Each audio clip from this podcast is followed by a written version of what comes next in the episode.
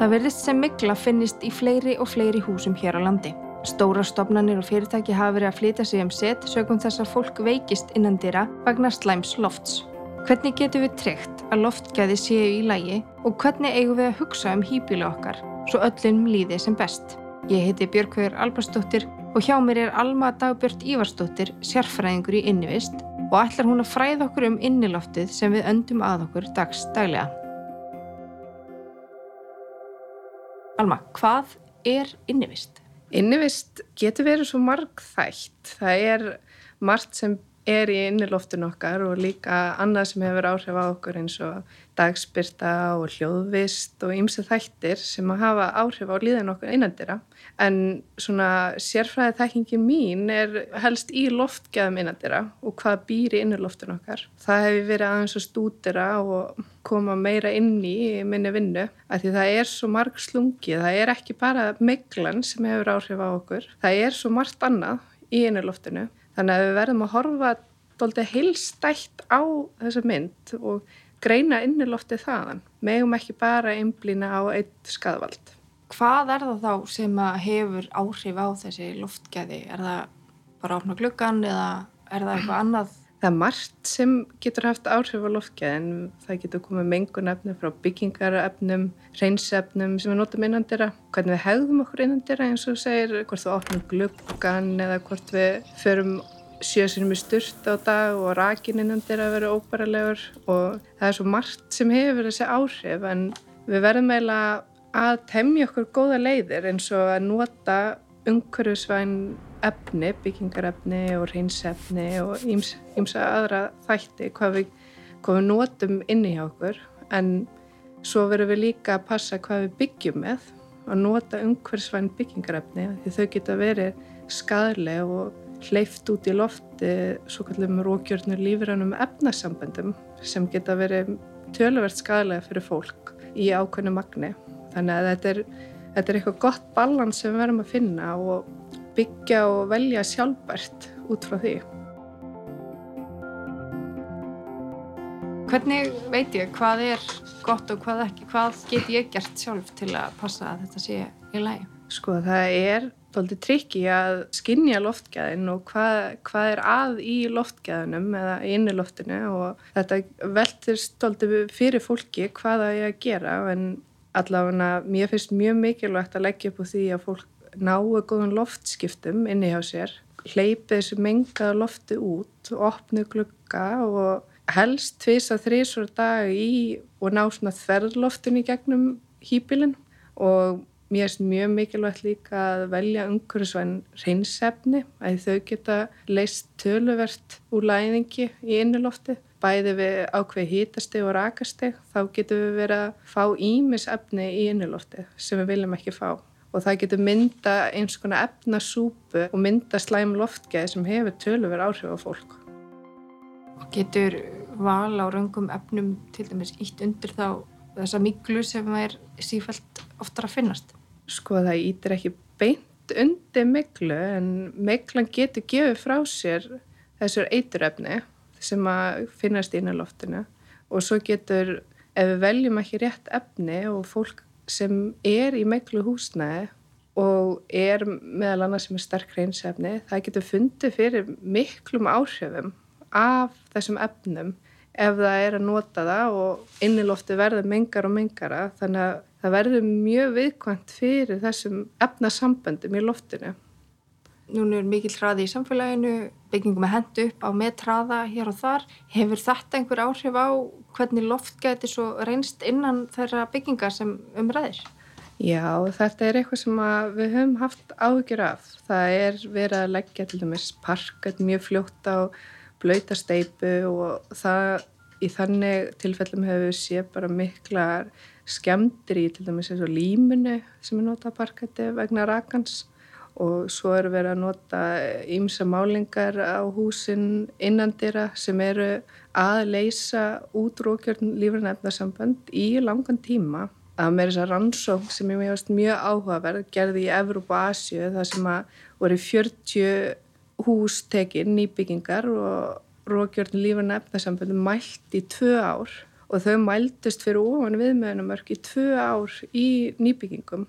Þannig að það tekur rosalega tíma fyrir þessi efni að leysast, leysast út og við þurfum að vara okkur á því að tryggja þá góð loftskipti og ræsta út loftið og líka að velja umhverfisverðum vörur eins og umhverfisverðum málningu til að sportna gegn því að fá þessi efni innandira.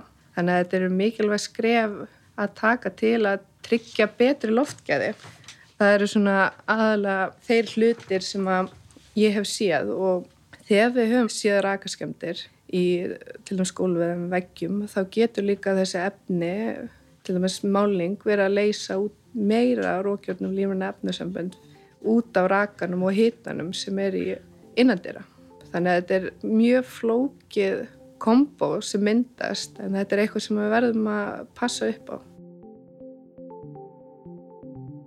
Þú talar um að þau mælist. Hvernig mælist þetta? Getur við fundið líkt af þessu? Hvernig veit ég þetta sé heima hjá mér? Hvað sko, gerist? Það er mjög erfitt fyrir einstaklega að greina akkurat loftgæðin hjá sér. Maður getur greintu þetta hvort maður fyrst á heitt eða kannski finnur aðeins ef það er rættinni en það eru svona ákveðna loftgæða mælingar sem við förum út í og svona grunnmælingar sem við gerum oft eru mælum með loftgæða mælum, hítasti, rakasti og CO2 styrkir lofti. En CO2 styrkir lofti segir okkur til um loftskiptin innan þeirra þannig að þetta er svona grunna atriði sem við aðtöfum til að byrja með hvort að loftskiptin séu nægileg og hvort að gæti verið ykkur önnur efni að byggjast upp í loftinu vegna ónúa loftskipta.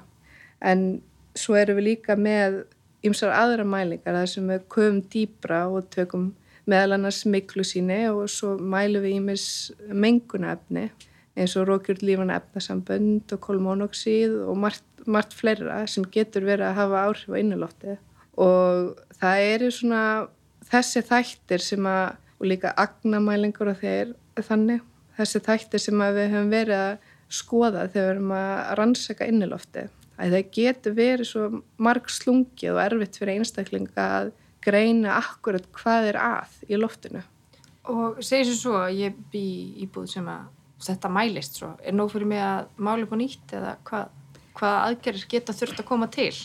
Sko ef að til dæmis ef við mælum háan CO2 styrk þá myndum við alltaf mæla með að auka loftskiptin og eða setja í sumum tilfellum þarf bara að setja upp vélant loftarstikkerfi til að ná loftskiptum í gegn. En það sem að mér finnst mikilvægt fyrir fólk eins og ef það er mikið á rókjörnum lífuna efnarsambundum sem mælast að þá að velja réttu vörunar, að velja svansvottar og umhverfsvottar vörur, að mála með umhverfsvænum vörum og líka getur þetta komið frá húsgagnum, mikið að plasti eins og plastvöru sem að leysa svona efni og læðingi og rannsókn hafa sínt fram á það að batnaherbyggi eru með menguðustu rýmum í húsnæðum og oft er lokað inn í barnaherbyggjum að til dæmis barna er að leika og það hefur sínt alveg gífulega háa mælingar á þessum efnarsambandum í barnaherbyggjum. Þess vegna hvet ég oft fóreldur til að velja umhverfisvæn leikfeng og eins og tríja leikfeng og þess áttar. Þetta getur haft mjög mikil áhrif á fólk og sérstaklega krakkar sem eru viðkvæmur fyrir þessu.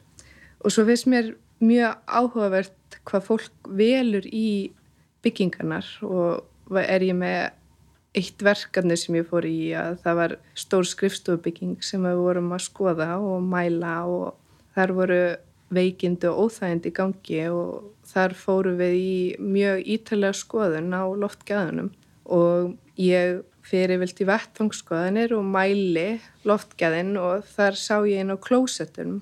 Þar voru öllum klósettum lyktara eyðir eins og við þekkjum öll og flestir hafa örgulega notað eitthvað tíman eftir klósittferðir sem þarf að gerast. Já, sem þarf að gerast. Og þannig að ég kíkti á þennan lyktareyðir og aftan á stóð bara stórt raukt X varuð hættulegt efni og varist innöndun og varist uh, snertingu við húð og augu. En samt voru leiðbynningarnas að segja að úði upp í loftið eftir nótkunn og þannig að fólk var að lappa þann inn og eftir klósitverðar og úðis upp í loftið og mögulega komast í snertingu við húð og augu og það getur valdið tölurveru ertingu. Þannig að mér varst forvinnilegt að pröfa að mæla þetta. Þannig að ég úðaði upp í loftið, setti mæltækjum mitt inn og lokaði og mælingarna fóru um 150 sinum herra en leifileg mörg gefaldi kynna. Þannig að það fóru upp í 46.000 ppb sem pars per biljón en við viljum hafa það undir 300. Þannig að þetta var mjög háa mælingar og varðu þessu mælingar í um 5 mínútur og duttu svo niður í um 600 ppb og þetta fannst mér alveg gefa okkur til kynna að þetta efni ætti ekki heimaðinni. Um, það hefði verið töluverð vandamálaðna líka hvert rakaskemdum og fannst einhver megla og þannig að fólk var orðið mjög viðkvæmt fyrir efnum og þetta bætti alls ekki á skák. Þannig að þessu var tafalust hægt og ekkert komið í staðin allavega. En þetta er svona ymsu hlutir í okkur daglega lífi sem við áttum okkur ekki alveg á hvernig það getur haft áhrif á okkur. Þannig að það er þessu gríðarlega mikilvægt að velja rétta málingu, rétt byggingarefni og svo aftur húskokk og leikfeng og hvað við notum innandira til að þrýfa og allt saman. Já, það finnst mér alveg grundvallar atriði og passa upp á að loft út að því við viljum ekki að rakin verða á hár, þá getum við að fara að hætta á að fá einhverja rakaskemdir og við viljum líka þrýfa reglulega því rík og önnur efni og agnir í loftinu inn í okkur geta haft áhrif á eins og öndunafæri og þess áttar. Og svo finnst mér líka bara mikilvægt að halda réttu hitastíja að því oft hefur maður komið inn í eins og skrifstofur og hýpileg fólk sem er alveg rosalega mikil hiti og það getur haft bara sljókandi áhrif og fólk getur fengið hausverk þóttu þetta sé ekki sko, heilsuspillandi en það getur haft gríðilega áhrif á veljaðan fólks og líka bara heilbreið húsnæðisins.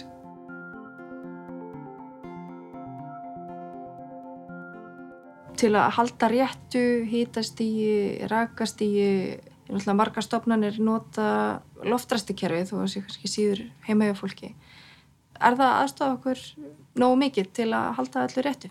Já, loftrastikerfi eru gríðilega mikilvæg, sérstaklega það sem er mikið, mikið fólki kemur saman og við þurfum að ná ákveðum loftskiptum, dæla inn reynu lofti og fesku lofti og soga út þessi óhreina menga loft eða þessa efnasúpu sem getur myndast inn að þeirra. Og þetta er oft erfitt viðfangsefni að því lofturstukerfi geta verið ekki að anna eftirspurninni, nótkun og húsnæðinu getur breyst, meiri fólk getur verið að setja eða færra fólk og það fundi fyrir þá óþægndum út frá því og Líka höfum við séð stundum ábúndavant er viðhald á loftarstukerfum. Það þarf að skipta um síur á loftarstukerfi einu svona tviðsvara ári fyrir eftir starð kerfisins og svo þarf að loftmækstilla kerfið líka og fylgjast með að sé að virka rétt. Svo höfum við fengið oft kvartanir frá fólki sem setur beint undir dreifurunum að finna fyrir óþægindum og kulda. Þetta getur eh, verið svo erfitt að auðvitað gera öllum til gæðs en ég er mjög hrifin á loftrastikerfum en það þarf að viðhalda þeim rétt og þrýfa þau reglulega á nokkra ára fresti allavega því það getur líka verið að spúa inn einhverju óæskilegum hlutum. Þannig að þetta er, finnst mér gríðilega mikilvægur uh, partur að halda góða innilofti er að ná þessu loftskiptum í húsnæðinu og það getur verið eina leiðin fyrir stórar skrifstofur og byggingar að hafa loftarskerfi og það hefur líka verið á hinu Norðurlandunum þá er komið í byggingaræklugerðir að einbílisús og hýbíli fólks skuli hafa vélant loftarskerfi þannig að ég tel að það mun koma hérna á Íslandi einn daginn eftir nokkur ár að þetta mun vera í ræklugerð. Að setja eins og loftarskerfi í bara fjölbílshús þá inni hjá fólki líka? Já, það hefur verið bara að setja upp lofturskerfi, þetta er lofturskerfin að er í reglugjörð að hafa með eins konar varma endurvinnslu eða hafa bara með varma endurvinnslu sem endur nýtir varman sem við draugum úr inniloftinu og hýtar upp útlofti sem kemur inn og þetta er gríðarlega orkusparandi og þótt að kostan og orku sé lágur hérna í Íslandi þá viljum við ekki vera orku sóarar heldur þannig að við viljum hafa þetta og þetta er komið í reglugerðir á öllu Norðurlandur að ný hús þurfa að hafa loftræskerfi, hýpileg fólks og það hefur reynst mjög vel. Sérstaklega eru þessu landa að horfa í þetta orkusbarna sem fæst á þessu en þú færði líka gífulega góðu loftgæði að því hegðun nótinda getur verið svo mismunandi. Menn kannski ég opna klukkan hjá mér þrísur á dag og lofta vel út þá getur þú verið að opna kannski tvekjataði fresti. Þannig að Já. það getur haft svo gífulega áhrif á hversu mismundu loftgæðan okkar eru. En krefst þetta þá ekki að við fræðum þá aðlega sem búa í slíkum hýpilum hvernig maður samtvinni þetta með þessari náttúrulegu loftræstingu sem eru glukkarnir og, og hurðarnar og svona og þá þetta kerfi eða er hugsað að kerfið sé með einhverja mæla sem að það virki sjálfvirt eða hvernig er nótkunnin fyrir íbúan? Íbúan? Hvernig, hvernig snýr það að honum? Já, þetta er nefnilega doldi fólk verður auðvitað að læra inn á þetta og verður að haga sér aðeins öðruvísi að því oft er talið óþarfi eða svona, þú þarfst að opna klukka minna því þú ert að fá ferska loftið inn. En þetta er náttúrulega doldi margs slungið og það er talað um líka oft notkuna svona blendis loftræstingu þar sem að notar náttúrulega loftu og, og vélaranna loftræstingu þar sem að opna glugga nær ert með einhverja vélaranda afl til að hjálpa við að lofta út þannig að það er líka möguleiki en það er náttúrulega ekki orku sparandi eins og þessi varmaenduvinnslu kerfi eru. En ég held að það verður bara meir og meir á næstu árum og fólk fái betri fræðslu um nótkunna á svona kerfum og það eru mælar sem að geta sagt til um eins og CO2 mælar og þá keiri loftræsti kerfið upp ef það er ofhátt. Þannig að það er ímsa leiði til og ég held bara að við verum að horfa, horfa til að annara landa til að sjá þetta og ég veit um nokkur húsnæði hérna á Íslandi og líka blokkir sem eru komið véland loftverstikerfi þannig að þetta er að byrja og mjög spennandi. Ég til að þetta sé alveg ágjörlega stóru þáttur í að tryggja betri loftgæði Það er greinlega mörg að huga þegar kemur að þessu innilofti og nú er nokkuð ljóst að við Íslandingar eru miklu innipúkar á rétt og hlaupum bara út í bíl til að fara á milli staða.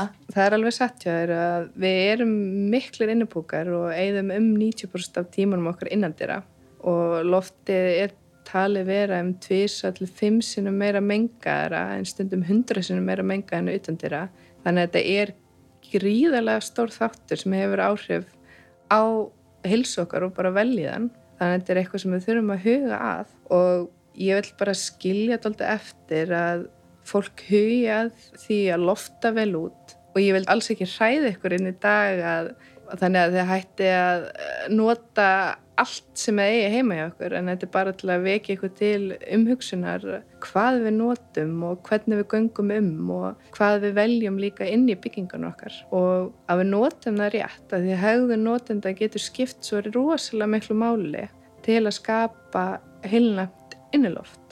Það er nokkuð ljóst að við þurfum að fara að horfa á við og fara að tjekka hverju við erum eiginlega andað okkur og hverju við erum að láta börnun okkar leika með. Takk Alma, kallega fyrir þessa áhugaverðið punta í dag og ég vona að við getum bara tekið þetta með okkur út í daginn að skoða betur hvað við erum að gera. Takk fyrir hlustununa. Takk fyrir.